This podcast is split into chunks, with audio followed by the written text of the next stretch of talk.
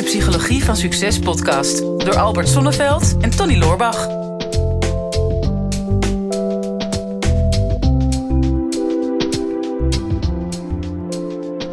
Albert, ik heb echt een vraag binnengekregen. Sluit perfect aan op de vorige podcast. Oh ja? We hebben het gehad over ehm, de stap maken van werknemer naar ondernemer. En van als je niet meer lekker op je plek zit. En vandaag gaat het over de andere kant, over werkgeluk. Oh. Ehm, met name denk ik als je in dienst bent. Eh, een vraag van Sarah. Die zegt, hoi Albert en Tony. Veel mensen om mij heen zijn door de pandemie zich gaan afvragen of ze wel echt goed op hun plek zitten qua werk.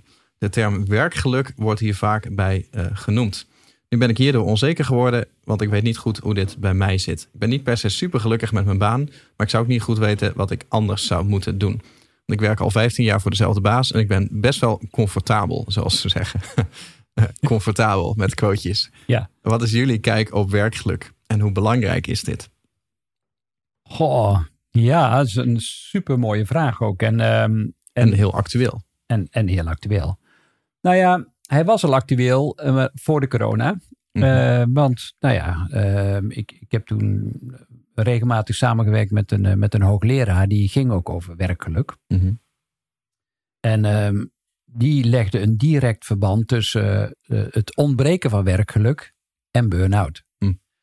Eh, en dat was natuurlijk al heel actueel voor de corona. Dat zijn we misschien een beetje vergeten. Maar, ehm, en zij zegt ook, wanneer er geen werkgeluk aanwezig is, dan is het risico dat je in een burn-out terechtkomt bijzonder groot. Mhm.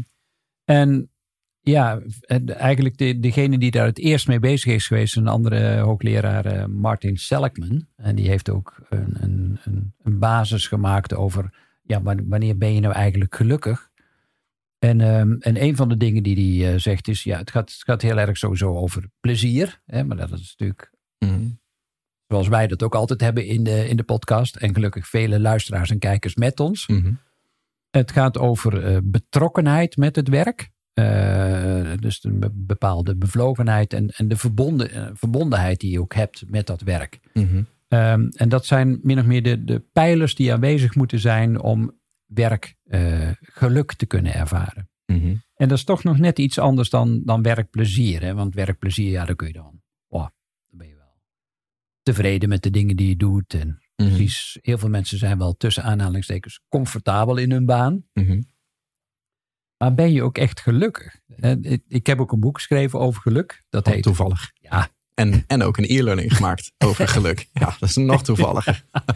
Dus we kunnen in deze podcast heel kort iets vertellen, natuurlijk, want we hebben maar 20 minuten. Maar wil je daar nou meer over weten, dan kun je Mhm. altijd eh, naar brein.tv Mhm. eh, eh, via Psychologie van Succes, onder andere. Ehm, en dan, want die, die e-learning gaat daar nog uitgebreider op in. Maar Mhm. geluk, ja, daar, daar ben ik met name door gefascineerd, omdat ik in mijn vak als eh, psycholoog zoveel mensen tegenkwam met depressie. Mhm. En, en je zou eigenlijk kunnen zeggen, ja, en mensen die depressief zijn, daar ontbreekt gedurende een langere periode ehm, het gelukkig zijn. Ja. Nou, nou wordt dat natuurlijk heel sterk gepromoot. eh, in, in, ehm, in, ook in de media, hè, van nou ja, eh, je moet altijd gelukkig zijn. En met name ook in social media. Eh, ben je een sukkel als je niet de hele dag gelukkig bent. Dat gaat nou eenmaal niet. Hè. Er is, Mhm. het gaat dan vaak over de maakbaarheid van geluk. En dat geldt natuurlijk in je privéleven, maar ook op je werk. Hoeveel invloed heb je daarop? Mhm. Hoeveel invloed heb je op, nou misschien een van de belangrijkste pijlers van werkgeluk is, is die bevlogenheid. Mhm. Waar haal je die vandaan? Ja. Ehm, en, en hoe verbonden kun je je voelen met je medewerkers? En wat is het plezier wat je daaruit ontleent? Nou, ik denk dat het, het feit dat het dit jaar zo'n zo'n groter thema is, ehm, dat, dat heeft deels wel te maken met de, met de coronapandemie, dat, dat mensen zich er bewuster van worden, omdat zeg maar de, de schil die er omheen zat, ehm, waardoor je niet in de gaten had dat je eigenlijk niet zo gelukkig was met je werk, die schil die is een beetje weggevallen. Want als jij eh, iedere dag naar kantoor gaat, of naar je werk gaat, en je hebt hele leuke collega's, Ehm, en je voelt daar verbondenheid mee. En elke dag is een feestje. En je werkt samen met anderen ergens naartoe. En je, en je voelt die energie. Ehm, dan kan je een hele leuke baan hebben. terwijl je iets aan het doen bent. Wat je eigenlijk in de kern helemaal niet zo leuk vindt. Maar dat heb je dan niet in de gaten. Want de randvoorwaarden zijn, zijn heel leuk. Ja.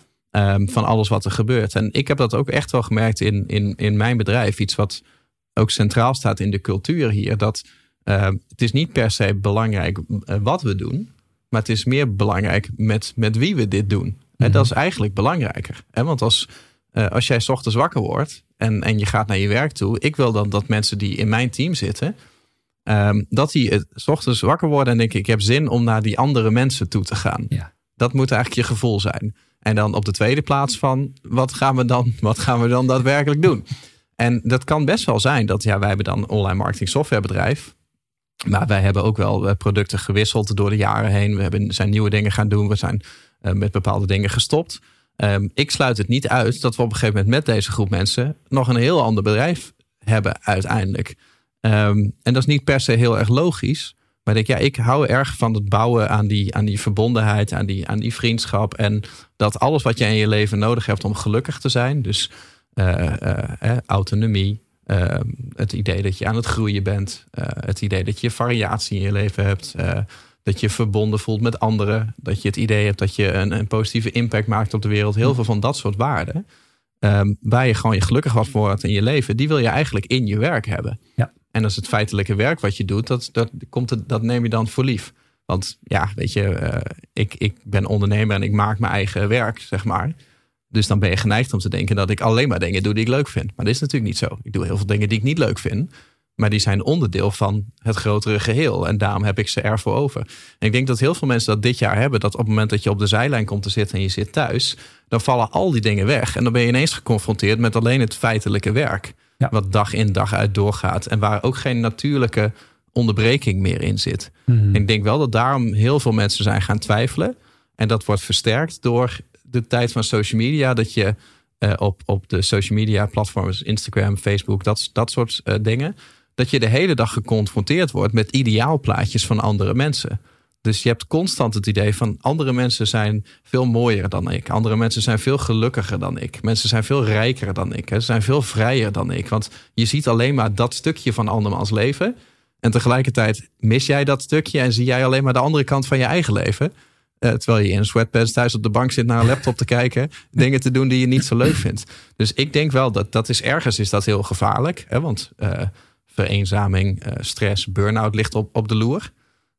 Maar het kan ook een zegen zijn. Dat je even heel dicht bij jezelf komt te staan. Te zien van ja, wat, ja, wat, wat wil ik nou eigenlijk? Hè? Wat is belangrijk in mijn leven? Ja, het, het werkplezier, hè, want dat werkplezier wordt vaak ontleend aan externe dingen. Dus eh, het kantoor of de salarisverhoging, Ja, lekker.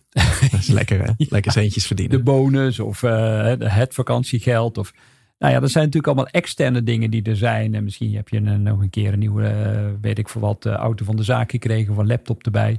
Maar dan weet je ook, dat went ontzettend snel. Hè? Dus, dus dat, dat werkplezier, dat kun je dus niet kopen. En dat wordt door sommige werkgevers wel gedacht. Ze zeggen, nou, als ik maar genoeg bonus geef, dan blijven mijn mensen wel lopen. Maar dat is altijd kortstondig. Mhm. En ik weet niet eh, waardoor eh, onze vragenstelster 15 jaar bij de huidige baas aan het werk is.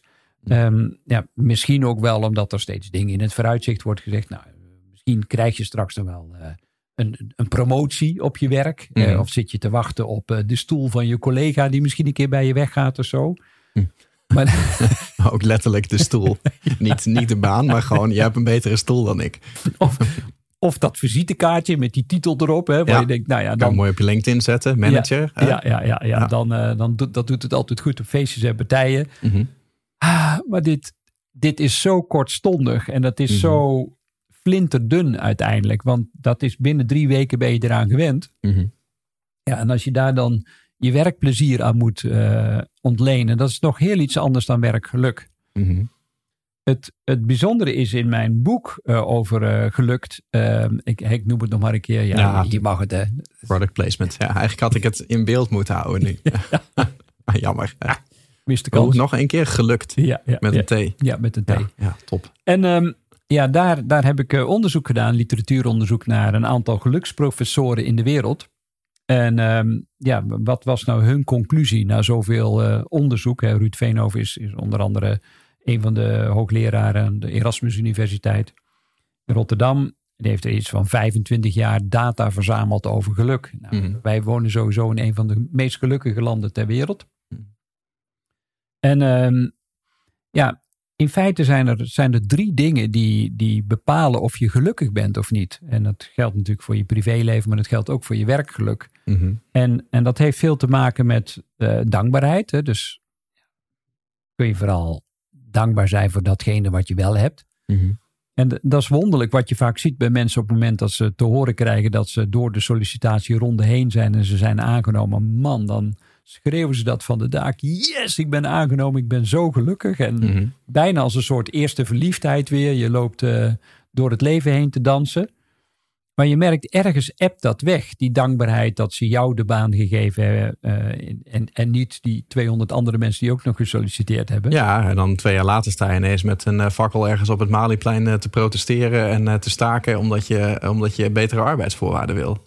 En dan denk ik, ja, dat is mooi dat het kan in het land. Maar je hebt natuurlijk wel ooit zelf op die baan gesolliciteerd. En precies wat je zegt, van je was waarschijnlijk heel blij dat je hem kreeg. Hmm. En, en nu ben je aan het staken omdat je het er niet meer mee eens bent. Dat is, dat is wel heel raar eigenlijk Dat dat kan gebeuren. Want niemand verplicht jou Nee. om daar in dienst te blijven. Nee. Ga dan weg. Ga dan, ga dan ergens heen Ja, waar het wel goed is. Ja, want als iedereen weg zou gaan, dan zou zo'n bedrijf of niet meer bestaan, of moeten nadenken van oké, we zijn niet, niet aantrekkelijk genoeg meer. En, en dat is natuurlijk wel een shift die je ziet. Hè? Dat ehm, we, ja, de, de, de welvaart gaat omhoog, de, de vrijheid gaat omhoog, de maakbaarheid van het leven vind, ja, vind ik wel een beetje uitgekoud, maar Ja. die is wel hoger. Weet je? Eh, We hebben ook een, een generatie die veel meer voelt van eh, alles is mogelijk. Hmm. Ehm, nu, de, de coronapandemie is eigenlijk in mijn generatie de eerste echte globale tegenslag. Ja. Dat, je, dat je merkt dat, dat er iets van vrijheidsbeperking is. Ja, ik dacht al, wat zie ik toch aan jou? Maar het is echt die vrijheidsbeperkingen. Vreselijk, vreselijk, ja. Maar ehm, de- je ziet wel dat daardoor, eh, eh, vroeger was het misschien meer zo van, hè, wij zijn het instituut, wij zijn het bedrijf. Jij moet je best doen om bij ons te komen solliciteren. En bij de gratie nemen wij jou dan aan. En dan één keer in het jaar krijg jij dan een inflatiecorrectie op je salaris. En nu is het heel anders geworden. Ik merk in, in mijn vak dat bij sollicitanten die wij echt goed vinden, dat het veel meer in balans is. Hè? Dat, dat, dat wij echt zoiets hebben van wij willen moeite doen om jou binnen te halen. Ehm, want als je niet bij ons gaat werken, dan ga je, dan ga je misschien wel bij de concurrent werken. Hè, wij kijken nu ook naar ons nieuwe kantoor. Van ja, dat, dat moet niet een plek zijn waar het thuiswerken wordt gestimuleerd. Hè? Dat moet een plek zijn waar je binnenloopt en je denkt van ja, ik, ik weet niet wat ze hier doen, maar ik wil hier wel werken. Ja, en ik wil hier nooit meer weg. Ik wil hier nooit meer weg. Ja. we dachten, dat gaan we ook gewoon op de deur zetten. Hashtag nooit meer naar huis. Want dat, dat moet eigenlijk het motto zijn. Dat je, dat je er liever bent dan, dan thuis. Want feit is wel van ja, de meeste wakkere uren in de week die je hebt, die spendeer je meestal met je collega's op je werk. Hmm. Eh, je bent over het algemeen meer uren in de week met je collega's dan, dan met je eigen partner als je de uren dat je slaapt ervan afhaalt. Ja. En ehm, ik zou het heel zonde vinden Maar als jij je... slaapt met je eigen partner. Nee, ik heb, ik, ik Nee, heb, het was maar een vraag. ik heb geen partner. Nee, ga door. Ja, ik wou eerst zeggen als je de uren die je slaapt ervan aftrekt. Maar toen wil ik dan weer een ander grapje over maken.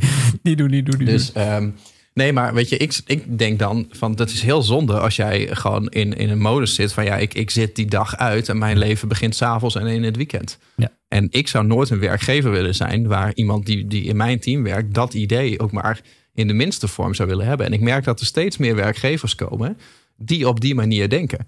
Ik ben er nu echt een prachtig boek over aan het lezen van, eh, van Netflix is dat. No Rules Rules. Hmm. Ja, en dat is echt dat is, dat is de utopie eigenlijk van als je alle nonsens eraf haalt van gecreëerde hiërarchie en bureaucratie en regels om regels.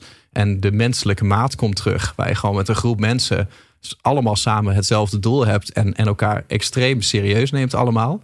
En respect voor elkaar hebt, dan, dan kom je op, op dat. En ik vind dat heel gaaf om te lezen. Ik, maar ik denk dat het voor heel veel werkgevers confronterend gaat zijn. Um, dus ik denk als je nu zoiets hebt van ja, ik, ik wil eigenlijk gelukkiger worden in mijn werk, maar ik wil wel bij dit werk blijven. Zou je natuurlijk ook dat boek kunnen kopen en dat subtiel op het bureau van je werkgever kunnen leggen. of geef het met, met kerst, hè? Of, Ja. uh, of, of wat dan ook. Ja, ja dat, is, dat is mooi. Hè? Want de vraag stelt zich natuurlijk, ja, ik, hè, ik ga ervan uit ze zelf, uh, ja, ze is werknemer, dus, dus uh, hoeveel invloed heb je op dat bedrijf?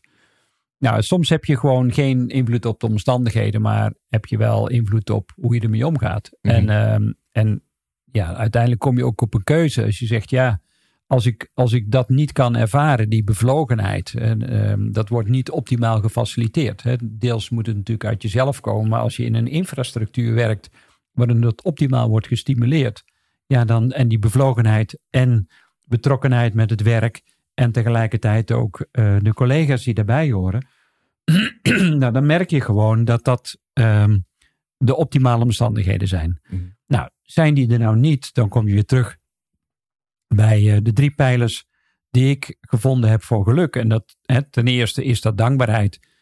Een tweede is acceptatie. En dat klinkt natuurlijk heel mooi en heel zwaar en heel groot. Mm. Maar ja. Ja, je krijgt er benauwd van. Ja. ik dacht, ik kan hem wel even overpakken. Maar ik vond het ook wel grappig om dat niet te doen. Ja, ik heb, ik heb kikkererwtensoep gegeten. nou heb je een kikker in je keel. Ja, nooit moet er natuurlijk stoppen. Oké, lessons learned. Ja. Um, dus acceptatie, hoe doe je dat? Uh, ja, dat, dat, dat is veel meer dat je om je heen kijkt en dat je je realiseert, ja, dit is het resultaat van alle keuzes die ik tot nu toe heb gemaakt, inclusief de baan die ik gekozen heb. En kan ik dat accepteren? En sommige mensen zeggen, ja, ik accepteer deze baan, ik vind hem helemaal niet leuk, maar ik, ik heb de verantwoordelijkheid naar mijn gezin. Mm En, en de belofte die ik heb gedaan naar mijn partner en naar de kinderen om voor ze te zorgen, dat staat hoger in mijn hiërarchie dan uiteindelijk dat wat ik moet opofferen van mijn vrijheid uh, om uiteindelijk dat geld te verdienen. Um, nou, als je dat kunt accepteren. Ik heb vaak echt respect voor mensen die dat, die dat kunnen. Zeggen, ja, ik til het naar een hoger doel. Ik maak mezelf ondergeschikt. En dan accepteer ik gewoon het werk wat ik nu heb. Mm En ook dat kan je gelukkig maken. Ik heb een keer een verhaal gelezen van iemand die in een tolhuisje zat uh, op de Golden Gate Bridge. En uh, het leek me het meest verschrikkelijke werk ever. Dat je mm daar alleen maar zit om, om geld op te halen. En, en die duizenden auto's die voorbij komen op zo'n uh, omgeving. Maar hij zegt, ja, deze plek is voor mij, die accepteer ik in een hele kleine ruimte. Uh, tussen al die uitlaatgassen. Omdat ik voor mijn gevoel toch een bijdrage kan leveren. En met een glimlach mm -hmm. uh, iedere automobilist die voorbij komt, toch iets mee te geven voor een prettige dag. En als ze thuiskomen weer uh, richting huis. Om ze toch in ieder geval weer het gevoel te geven dat ze, dat ze een werkdag erop hebben zitten. Dus ja. hij, het was echt een bijdrage. Ja, dat is grappig. Golden Gate Bridge. Uh, mijn uh, oom vertelde ooit een verhaal dat hij, hij daar een keer naartoe ging op vakantie. San Francisco. En hij stond gewoon op de Golden Gate Bridge. Gewoon een beetje over de reling. Gewoon een beetje over het water te kijken. En toen werd hij ineens door een, een passant gewoon ervan afgetrokken. Die echt schreeuwde naar hem. Don't do it. En dit, want die man die dacht van hij gaat springen. Dus ja. hij zag er blijkbaar zo ongelukkig uit. dat iemand dacht van oh, we hebben, we hebben een jumper. Dus ja. die ga ik daarvan afhalen. En hij had zoiets, ja, maar ik, ik, sta hier gewoon even van het water te genieten. Dus ja. dat is misschien wel een teken aan de wand. Dat je misschien niet zo gelukkig uitstraalt. Hmm. Hè? Dus dat, dat, zullen, dat zullen andere mensen dan wel, uh, wel aan je merken. Ja, nou ja, dus, dus we hebben al dankbaarheid, we hebben acceptatie. En een, een, een, derde pijler voor werkgeluk is ook het vertrouwen. Het vertrouwen dat je, ja, als je een volgende stap wil maken in je carrière of binnen de huidige baan of een andere baan, dat er altijd op een bepaalde manier ook wel weer voor je wordt gezorgd. Uh, je gaf het ook al aan, we, we, leven in een van de meest welvarende landen uh, ter wereld. Mm -hmm. um, ja, misschien ga je er financieel op achteruit of misschien raak je iets kwijt, maar je krijgt er ook weer zoveel voor terug. Mm -hmm. Misschien wel je vrijheid, je leven, wat je maar nodig hebt om uiteindelijk echt gelukkig te zijn. Ja. Ja, dus geef je leven niet weg voor werkplezier. Dat is wat ik wil zeggen, is de, de omstandigheden die, waarmee dan misschien jouw geluk gekocht wordt. Mm -hmm. Maar wees heel eerlijk en heel trouw naar jezelf en ga vooral voor, voor werkgeluk. Mhm. Mm -hmm. de, de werkelijke bevlogenheid. Ja, en als je erachter komt op je werk dat, dat, dat je je hart niet meer kwijt kunt daar. Je, je bezieling, je passie, je, Mhm. je enthousiasme waar je misschien ooit heel blij van werd toen je werd aangenomen, maar dat is langzaam weggeëpt. Ja, één wet in het universum zegt altijd, ja, de conclusie is dat de enige zekerheid die je hebt is dat alles verandert. Ja. Dus jij verandert, de omstandigheden veranderen. Misschien heb je al drie reorganisaties meegemaakt en ben je blij dat je die baan nog hebt. Mm -hmm. Vanwege de financiën. Maar misschien was het ook wel een teken om te zeggen van nou, ik, nou dat is niet zo leuk met die uh, Golden Gate Bridge in gedachten maar ik, ik waag de sprong. Hè? Ja, precies. ja. Nee, maar ik, ik heb ook wel mensen gesproken van KLM, die, hè, die zitten natuurlijk ook nu in zwaar weer en uh, nou, die, die worden ook, uh, ook soms een, een premie aangeboden om, uh, om op te stappen. Mhm. En dat ze achteraf zeggen, ja, dat is een blessing in disguise dat het juist kwam. Want eigenlijk was ik al jaren niet meer gelukkig in de baan die ik had. En Mhm. ja, ik krijg nu toch een kans om uit te stappen. Die, en ik grijp hem ook. Hè. Dat, Ja. dat zag je bij de Belastingdienst ook. Dat, toen ik, dat er te veel mensen, toen ze een premie kregen om weg te gaan, Mhm. dat er te veel mensen daar gebruik van maakten. En in één keer zaten ze met een personeelstekort. Ja. Ja, dat is ook wel een, een teken aan de wand voor zo'n organisatie Ja. natuurlijk. Hè? Dat gewoon er te veel, te veel mensen graag bij je weg willen. Ik denk het is altijd een gedeelde verantwoordelijkheid. Hè? Tussen, eh, ehm, als bij mij, eh, ja, wij gebruiken dan niet de term werknemer. Hè? Maar als iemand die dan in loondienst is. Dus wij gebruiken dan gewone sterveling. Dat is wat, wat, wat netter, wat respectvoller. Hè, maar als iemand niet, niet gelukkig is. Ehm, ik voel dat wel altijd als dat is ook mijn verantwoordelijkheid. Hè? Ja. Het kan zijn dat ik daar niks aan kan veranderen. Hè? Dat dingen zo zijn zoals dat zo zijn. Maar ehm, ik vind wel dat je altijd dat gesprek moet kunnen voeren. Ehm, en ik merk ook vaak in dat soort gesprekken dat als je het erover hebt, dat vaak een werknemer die, die niet gelukkig is, ook niet daar een oplossing voor weet. En het is heel, heel makkelijk om te denken, ja, dan stop ik met mijn werk, dan ga ik ergens anders werken. En dan is het weer een nieuwe impuls en dan ben ik weer overprikkeld en dan heb ik eigenlijk niet in de gaten dat, dat ik weer precies hetzelfde probleem voor mezelf aan het creëren ben. Eh, ik denk dat geluk komt inderdaad niet zozeer uit wat voor werk je aan het doen hebt. Het komt uit jezelf. Het ligt ook een beetje aan waar je jezelf mee vergelijkt. Eh, geluk is toch altijd een, een vergelijking met iets. Ja. Eh, gelukkig is niet een vast, vaststaand iets. Gelukkig maar, anders zou iedereen gelukkig zijn. maar nee, gewoon hè, waar, waar word je gelukkiger van?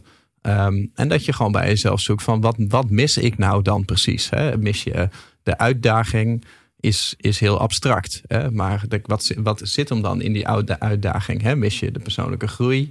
Of mis je de, de autonomie? Of ehm, ehm, eh, heb je, heb je geen, eh, geen fijne connectie met, met mensen om je heen?